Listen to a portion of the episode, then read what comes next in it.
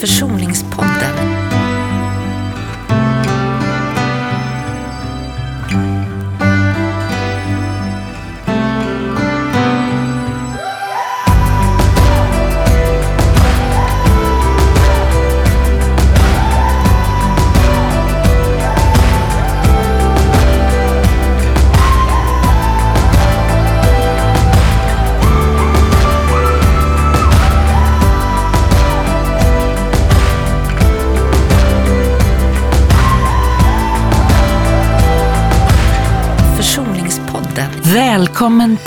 Försoningspodden.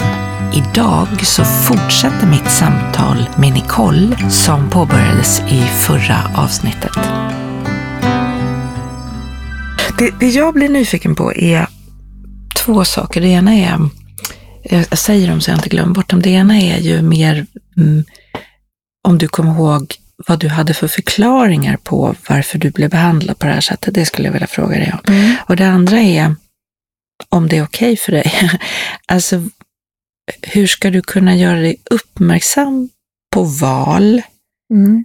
där du skulle kunna, vilket jag inte vet om det går, eh, ta det av din mamma du kan få och välja bort det som skadar dig. De två Mm. sakerna skulle jag vilja prata Är det okej? Mm. att Det låter Ja. jättebra. Så vilken vill du börja med? Den första, Mm. Du, eh, vad sa du? Jag sa, hur förklarade du när du var du, du pratade om två föräldrar som drack för mycket. Var det då de var våldsamma eller kunde de vara det Nej, nyktra det också? var nog både och. Ja. Eh, du pratade om att du såg en, en, ett syskon bli slagen. Mm. Tror du att du inte blev slagen för du var tjej? Hade du blivit slagen om du var kille? Det tror jag. Och Mm. jag kan också ha blivit slagen, bara att Mm. jag det, liksom. Mm. det, det. Men hur jag förklarade det, jag minns att jag satt och tänkte, det finns ingen annan som har en pappa från Iran, en hörselskadad lillebror eh, och en mamma som, som blir konstig när hon dricker. Alltså att det var så mycket som var unikt. Så att jag vet inte om jag jag tror, jag tror inte jag tänkte rakt ut att det här är mitt fel, det, det tror jag faktiskt inte. Men vi var konstiga. Varför var ni konstiga då? Vad, hur förklarade du? Jag, jag, jag har ju någon idé om att alla barn på något sätt förklarar. Det behöver inte vara en kognitiv process, men man, man, man har ju Mm. i sig, och väldigt ofta är min erfarenhet, därför att det är något fel på mig. Men det är nog senare, alltså, det, det finns en därför att det är något fel på mig och den kommer, varför lämnade min mamma mig? Eh, varför lämnade hon mig ensam i en lägenhet eh, som 15-åring utan pengar och mat? Och liksom. Men hur klarade du det då? jag, jag tog in inneboenden och jag blev hyresvärd. Men du, socialtjänsten var aldrig inne Men de tyckte att jag skulle komma och äta hos dem. Socialtjänsten? Ja, de tyckte så här, kom och ät här, du kan få matkuponger. Och jag bara, fast det vill jag inte ha. Men hur kommer det sig att de inte omhändertog Det dig? undrar jag också. Så det är där kan vi prata om en försoningsprocess Ja, också. med socialtjänsten, Med socialtjänsten. som inte har tagit hand om dig. Eh, Verkligen. Eh, Men så där fanns det en, därför att det är något fel på mig. Eh, Jag går inte att älska, det är något fel på mig, jag har för stora behov. Eh, För det sa de. Det står rakt ut i socialtjänstens utredning så står det så här, Nicole ställer för höga krav på modern. Eh, Och då var det alltså att jag ville ha mat, el och att hon skulle vara hemma. Det Eh, låter extremt. Ja, och det här är 2004. Så. Eh, det var innan man började med barnets behov i centrum, precis Ja, innan. ja. så. Eh, Som är en utredningsmodell för Ja. de som inte ja, kan det. precis, precis. Men eh, så att, jo, men där, det, det var nog där som den där förklaringsmodellen att det är mig det är fel på, den kom till då. Jag är för krävande Mm. som tycker att man ska få mat i magen Precis. och kunna läsa. Jag ska tydligen klara mig själv nu. Ja. Eh, och det var även så att mammas man kunde säga det till mig, att jag borde spärras in och jag borde eh, förstå att, det, att jag är liksom psykiskt sjuk som ringer och gnäller efter mamma och sådär. Eh, så Vad var det- din pappa i den här processen? Han hade flyttat när jag var 14. Jag ville absolut inte bo med honom. Jag ville absolut inte vara med honom. Jag var hellre själv i, ett, i en lägenhet utan el än att åka hem till pappa. Det har jag förstått som vuxen, att herregud, det, det måste ju betyda någonting. Ehm, mm. Det, det, det låter ju nästan stämningsbart för socialtjänsten, tycker Ja, jag. Det, jag tror att det har gått för många år. Ja. Eh, Det, få... det är väldigt obegripligt. Ja, att, att det- de, att, jag menar, din mamma är ju försörjningsskyldig ja, efter du var 18. och sen blev ju då hennes man försörjningsskyldig och han vägrade ju. Eftersom, varför, varför blev han det? För att han, de var gifta. Så Mm. då, då, Då blev de det båda två då? ja. Mm. Eh, Men jag löste det genom att ta in inneboenden och eh, sen när jag väl blev 18 så fick jag ju liksom skaffa mig någon praktikplats som jag fick några pengar för och sådär. Eh, mm. Din bror då, var hamnade han? Han var i Örebro, han är hörselskadad så att han var i Han var omhändertagen? Ja, så för, han bodde eh, där för att han gick gymnasiet där. Ja, just det. Så det var... Ja. ja. Men, men om jag går tillbaks till den här frågan jag hade, hur, hur tror du, alltså vi är konstiga, det är därför det sker. Punkt. Var det så du förklarar? Men som liten, ja. som liten, liten så tror jag det är så här, eh, eller tror, jag tror inte ens jag förstod att det var fel. Alltså, jag tror att så här är det. Eh, och det var först då, liksom, vid 15 års ålder, som jag sa, okej, men det är väl jag då som är fel. Eh, Så alla barn har föräldrar som super för mycket och som slår dem. jag kan liksom se framför mig att det är sommarlov och att jag fattar att det inte är så här för andra och att andra gör andra saker. På midsommarafton, jag kan känna den känslan att nu gör andra på andra sätt. Pappa är galen. Mamma vågar inte lämna pappa. Men ja, Vem, vem, vem, vad eller vem fick du tröst av i den här situationen? nej det vet jag inte. Jag har tänkt på det ofta, folk frågar så fanns det någon? Men jag sa nog ingenting. Och ingen såg? Nej, alltså när jag gick i nian tror jag kanske var någon när jag sa att vi kanske skulle åka till Ir- Iran eller sådär. Då var det någon som bara oj, oj, vad ska hända här? Ska hon bli bortgift eller sånt Mm. där? Eh, för sånt hade man lärt sig att det ska man vara uppmärksam på. Liksom. Mm. Men jag hade en vän vars mamma reagerade när min mamma flyttade eh, och gjorde anmälan till socialtjänsten. Eh, så där fanns det i alla fall någon som såg. Och sen hade jag då en pojkvän vars föräldrar reagerade då när jag började bo hos honom för att jag behövde äta. Liksom. Eh, Men tröst, det, låter ju sorgligt, men jag, jag, jag, nej, jag kan inte komma ihåg att jag liksom har fått vila ut och bli tröstad någonstans. Det, nej. Men när, när det var bråk Mm. ehm, och, och hemskt Mm. förskräckligt hemma hos dig, vad, vad gjorde du? Jag tror att jag skrev en del när jag var typ 12, så började jag skriva mycket. Var det en tröst? Eller en källa till... I alla fall någonting att, att, att få ut det. Eh, Tröst, jag har svårt med begreppet tröst. Det är tydligen viktigt för mig att upprätthålla att jag inte har blivit tröstad. Och du behöver ingen tröst kanske? Kanske. Eller jo, men jo, jag hade visst behövt tröst, men jag tror inte att jag... Nej. Är det ett, är det ett obehagligt ord? Tröst. Ja, både och. Eh, mm. Mm. Jag vill ju ja men det är ju nu. Det är nu som jag kan känna av det där. Alltså, gud vad skönt det hade varit att vara ett familjehemsplacerat barn nu och få åka på kollo och liksom bara vila. Nu kan jag känna att jag vill läka det. Eh, Alltså om jag ska vara helt ärlig Nicole, så blir jag ju nyfiken på hur kommer det sig att du inte är galen? Ja, men det undrar jag också. Men det kan jag svara på tror jag. Ja. Alltså galen i den bemärkelsen att man att du liksom har valt att men jag fly hade- till ja, droger verkligen. eller bli Verkligen. hitta på en fantasivärld eller alltså vad- det där behöver du, det där måste ju du ha. Och det är väl kanske där jag, det man också kan kalla för eh, så här, eh, alltså friskhetsfaktorer eller tröst. Det är där jag menar med Ja, tröst. men friskhetsfaktorer kan vi prata Ja, om. vad, vad, prata vad, är det som, vad är det som har gjort Eh, att jag har varit bra i skolan Mm. hela tiden. Pappa Mm. var väldigt noggrann med matte, att det var Mm. viktigt. Och det Mm. tror jag på som skyddsfaktor, att klara alla betyg i nian. Mm. Eh, det hade jag. Sen hoppade jag av gymnasiet och det var jättestruligt. Men, men jag har alltid haft ett läshuvud. Eh, jag har också alltid varit ganska bra på att söka information. Eh, söka information om rättigheter. Vad har jag rätt till? Ehm, myndighetskontakter har jag ju fått sköta åt mina föräldrar så att jag har varit jävligt bra på det. Ehm, vilket betyder att jag ganska snabbt Alltså jag har ju varit också, haft kontakt med psykologer och sådär. Sen tycker inte jag att det har hjälpt förrän senare. Jag, jag tycker att jag har blivit sviken av dem också. Men, På vilket sätt har du blivit sviken att de har förminskat, kallat mina tankar för, för monster och sagt att men det där är sådana där typiska tonårstankar, att man har monster i huvudet. Jo, jo, fast det här är riktiga problem de, de har lämnat. Alltså det är inte Ah. ett monster. Nej. Det, Nej. Eh, men så att för en, ja, skola, ehm, kunskap, eh, ord, att jag kan liksom prata för mig, att jag har varit väldigt social och eh, lärt känna mycket folk så att jag har kunnat, men som det här med att kunna hyra ut rum i min lägenhet. Eh, och sen att jag var ganska snabb med att bestämma, jag ska bli socionom. Eh, vilket gjorde att jag hade en riktning. Och så länge jag haft en riktning har det alltid funnits nästa steg att ta.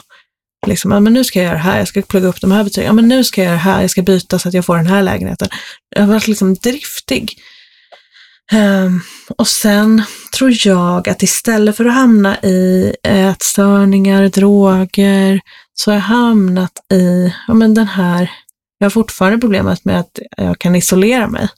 Jag har jättesvårt att åka tunnelbana till exempel fortfarande. Alltså det, det har lagt sig på andra delar av mitt liv. Uh, och det har absolut påverkat mina relationer. Jag menar, jag, jag har inte lätt för kärleksrelationer. Liksom, jag har väldigt lätt för vänskap. Um, så det, det har portionerats ut på, på livet på olika sätt. Men uh, skola skulle jag nog säga som främsta. Att, att jag inte hade svårt för mig i skolan tror jag har hjälpt mig jättemycket. Men om du skulle, mm, eh, det kanske hänger ihop med det här andra frågan jag hade till dig. Hur, Mm. hur ska du kunna det, känna igen val som finns att göra? För den är ju liksom en, Mm. den är inget lätt. Nej. Därför att jag tänker så här, när man har varit, varit utsatt för saker mm, utan att ha all tanke, hjärnan är utvecklad och Mm, all, allt det man kan som Mm. vuxen, eh, så, så har ju liksom kanalen in bara varit mina känslor. Inte bara i någon nedsättande väg, men mina känslor. Och när man ska göra val, Mm. då behöver man också använda huvudet. Så Mm. man måste göra både och. Mm. För att jag tänker så här, idag, du berättade för mig att du är 33 och när du är 43, vad, Mm. om tio år, om, vad, vad, vad skulle du önska att du har gjort eller klarat av, eller hur, det där låter så prestationigt, men kommit till, alltså, om du skulle säga en rimlig nivå Mm. när du är 43, vad har du gjort med allt det här då?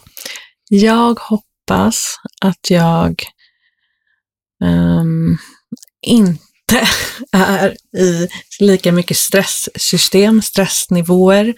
Eh, jag hoppas att jag kan ha hittat ett sätt att på riktigt slappna av.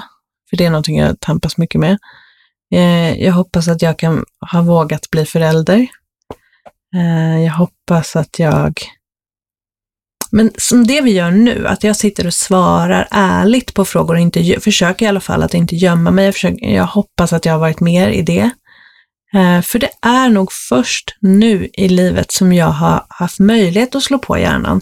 För det har varit ganska krisigt fram tills, om jag ska vara helt ärlig, typ förra året. Det har varit väldigt mycket aktiva kriser fortfarande i mina föräldrar och mitt medberoende till dem på olika sätt. Så det är först nu som jag kan liksom slå på hjärnan, se över vilka val jag har, eh, titta uppifrån på det och liksom, så, men, så, ja, som du säger, självmedkänsla. Jag, tror, jag hoppas att jag kan leva ett liv där jag kan se vad som har hänt utan att skylla på mig eh, och förstå mig själv bättre. Förstå vilka val jag har idag. Ja. Jag, har, jag känner ju nu i kroppen, när jag pratar nu så känner jag så här, skammen är inte lika närvarande längre som den var för några år sedan. Hade jag suttit här för några år sedan hade jag känt en skamsköljning nu när jag tar plats, säger jag mycket. Så, att, så att jag är ändå på god väg mot den här, jag kan se framför mig väldigt tydligt hur jag har ett barn och ett sommarställe där jag liksom stoppar om det här barnet eh, i linnelakan och att vi har en hel servis med likadana koppar. Liksom.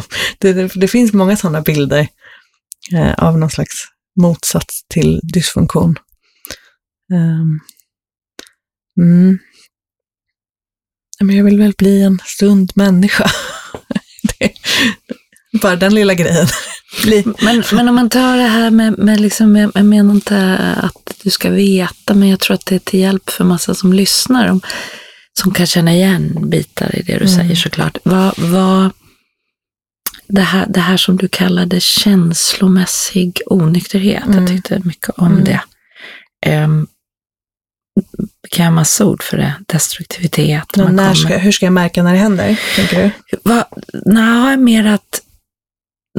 Därför att jag tänker så här, när man är ett före detta barn som du beskriver, när det händer har man ju inga val. Det är det som är att vara offer. Mm, okej. Alltså- Men precis innan då, hur ska jag se till att jag inte hamnar där? Eller när, hur ska...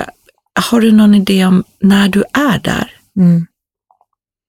Vad tror du skulle kunna vara ett val då?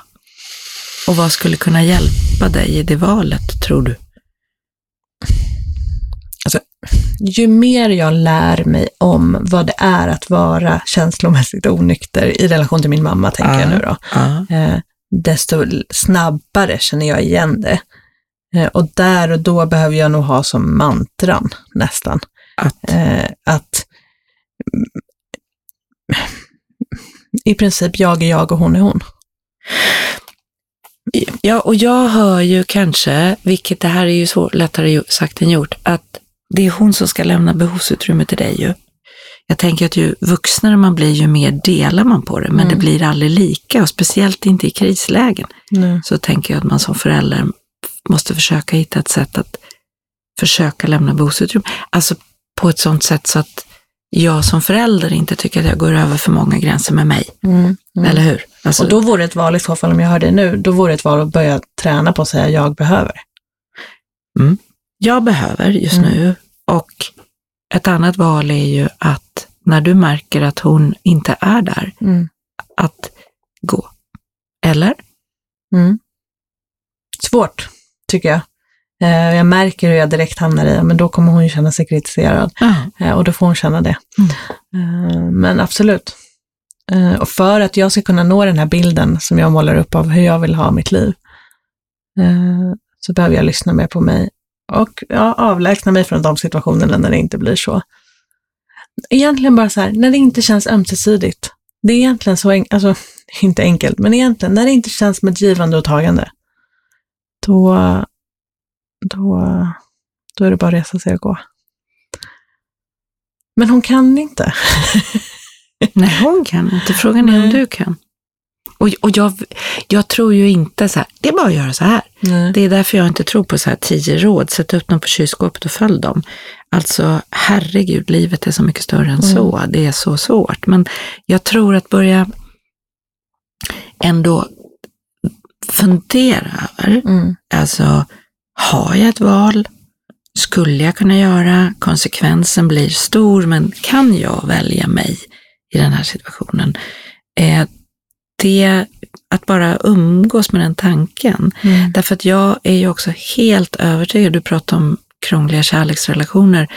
Jag är helt övertygad om att gränser och intimitet hör ihop. Mm, verkligen. Alltså om jag inte kan dra gräns så kan jag inte gå nära. Nej. Därför att, Ja, då skrämmer det för mycket. Liksom, att, ja och framförallt så, så eh, kommer jag suddas ut. vad är dina Mm, exakt. behov, vad är mina behov? liksom. Ja, jag kommer bli sammanblandad. Och då tänker jag att det är helt okej att sammanblanda oss om vi kan ta oss ur den sammanblandningen när vi behöver, men Mm. inte annars. Och, och det där är, jag menar, det är lättare sagt än gjort, men att du ändå får jag för mig nästa gång det händer, mm. i alla fall börja med att säga från huvudet, nu händer det. Mm. Mm. Just det. Och sen kanske det räcker så första gången och sen Mm. Så, så måste du kanske komma ifrån det känslomässiga kraftfältet Mm. eh, för att fundera över nästa gång det händer, vad skulle jag kunna ha gjort? Mm. Och så vara extremt ömsint med sig själv.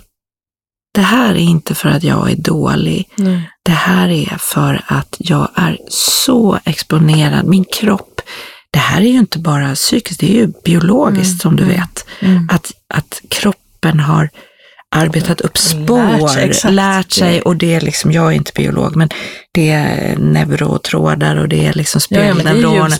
Ja. Ja. Och, och därför så måste man ju vara jättebussig mot sig själv. Och Mm. umgås med människor som är bussig mot en. Mm. Eftersom Ja, man inte kan annars göra blir det man själv. van vid Ja. att det är på det där dystiga sättet. Ja, och jag, när man har varit med om sådana här svåra Mm. saker, man har, alltså att, att ringa någon som är bra för mig eller göra något som är bra för mig. Mm. Jag tror, jag tror ju att det går. Sen tror ju jag, Nicole, att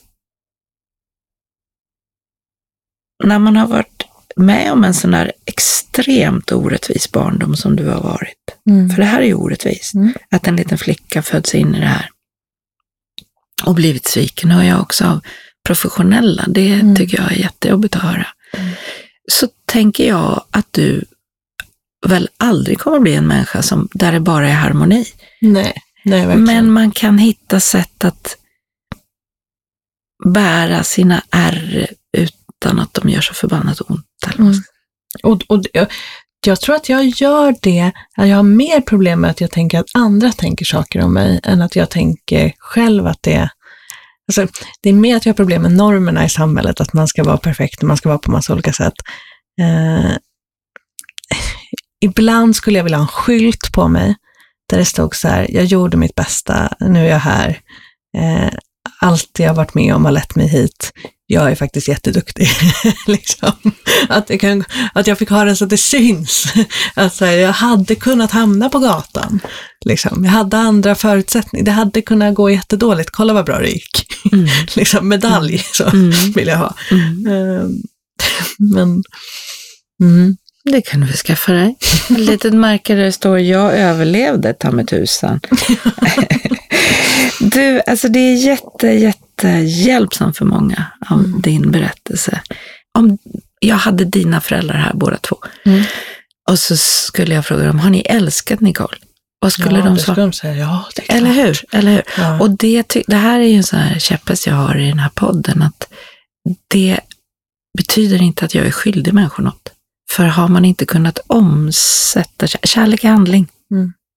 Jag har ett sånt, jag vet ett sånt otroligt vackert kärleksbegrepp som är så här, kärlek är att låta dig vara dig själv tillsammans med mig.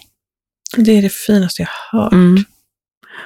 Och då tänker jag att, att, att som förälder, jag känner ingen perfekt förälder, men att i möjligaste mån se om man kan låta, eller i kärleksrelationer eller i vänskapsrelationer, det är ju inte att du får göra vad du vill med mig, Nej. men att, att försöka, och det är ju totalt motsatt mot psykisk misshandel, där det Mm. handlar om kontroll och så. Du får inte vara dig själv. Liksom.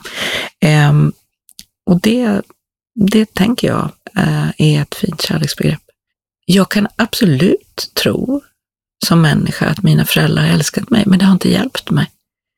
Det har liksom inte mm, liksom varit något som har fått mig att komma närmare vem jag var menad att vara eller så, utan det har varit, och då, eh, som jag brukar säga, så har inte kärlek så mycket med saken att göra, utan det är handling som har med saken att göra. Alltså har jag kunnat omsätta min kärlek till dig på ett sådant sätt att du har känt dig älskad. Mm. Men att jag, varför jag tycker att det här är viktigt, som jag har sagt Mm. förut, det är att eh, jag tror att det är otroligt destruktivt att börja tänka, jag är inte en älskvärd person. Mm. Därför det är du ju. Dina föräldrar har älskat dig, du är älskvärd. Mm. Men jag är dotter till några som inte har förmått att omsätta det i praktiken. Mm. Vad har det betytt för mig? Det, det. är liksom olika Mm. saker. Det, där skulle jag nästan så vilja rita upp, för att det där, det jag tror det är en nyckel. Mm. Och, och då kan jag känna, mm, men älska hur mycket du vill, det är inte till hjälp. Jag tänker att människor ganska ofta tror att deras kärlek skulle göra, jag, ibland säger jag så här när jag föreläser, alltså det är inte mer smakligt att kränka människor för att du älskar dem. Exakt. Sen gör vi det för att ju närmre någon kommer oss, Mm. ju mer riskerar vi att göra illa för att de rör sig i, i liksom charonger där. Så. Mm. Men, men den där idén om att, att man automatiskt ska bli förlåten för att man älskar, det är för oansvarigt som människa. Vi har Och ansvar. att Man, man har rätt att säga det räcker inte.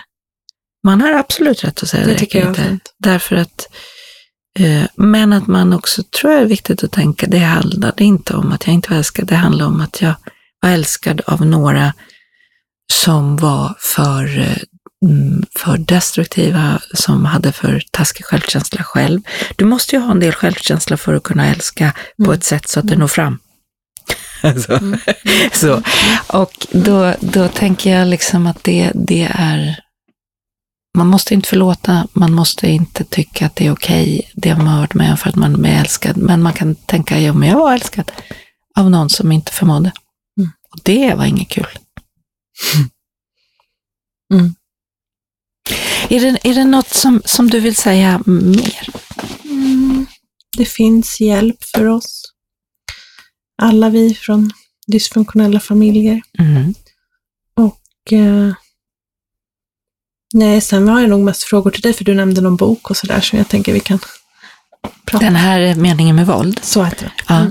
Mm. Meningen med våld, Mm. eh, Isdal heter han. Den är väldigt bra om man har varit utsatt för våld. Mm. För han, eh, han jobbar ju med män som slår, men jag tycker att man kan liksom utöka det där. Därför att jag tänker också att det finns kvinnor som slår och det Mm. finns kvinnor som, som begår psykiskt våld mot sina barn.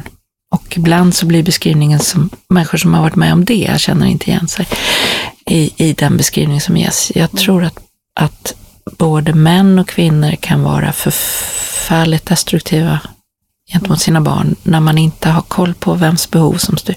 Mm. Alltså tusen, tusen, tusen tack för att du ville vara med i Försoningspodden. Tack själv. Då slutar vi. Du har lyssnat på Försoningspodden. Minns att ordet försoning betyder att lägga ner en strid. Inte för att det man stred för var det något fel på, men för att man inte kommer vinna. Producent för den här podden är Erik Zettervall och om du har några frågor eller funderingar så välkommen att mejla dem till försoningspodden gmail.com.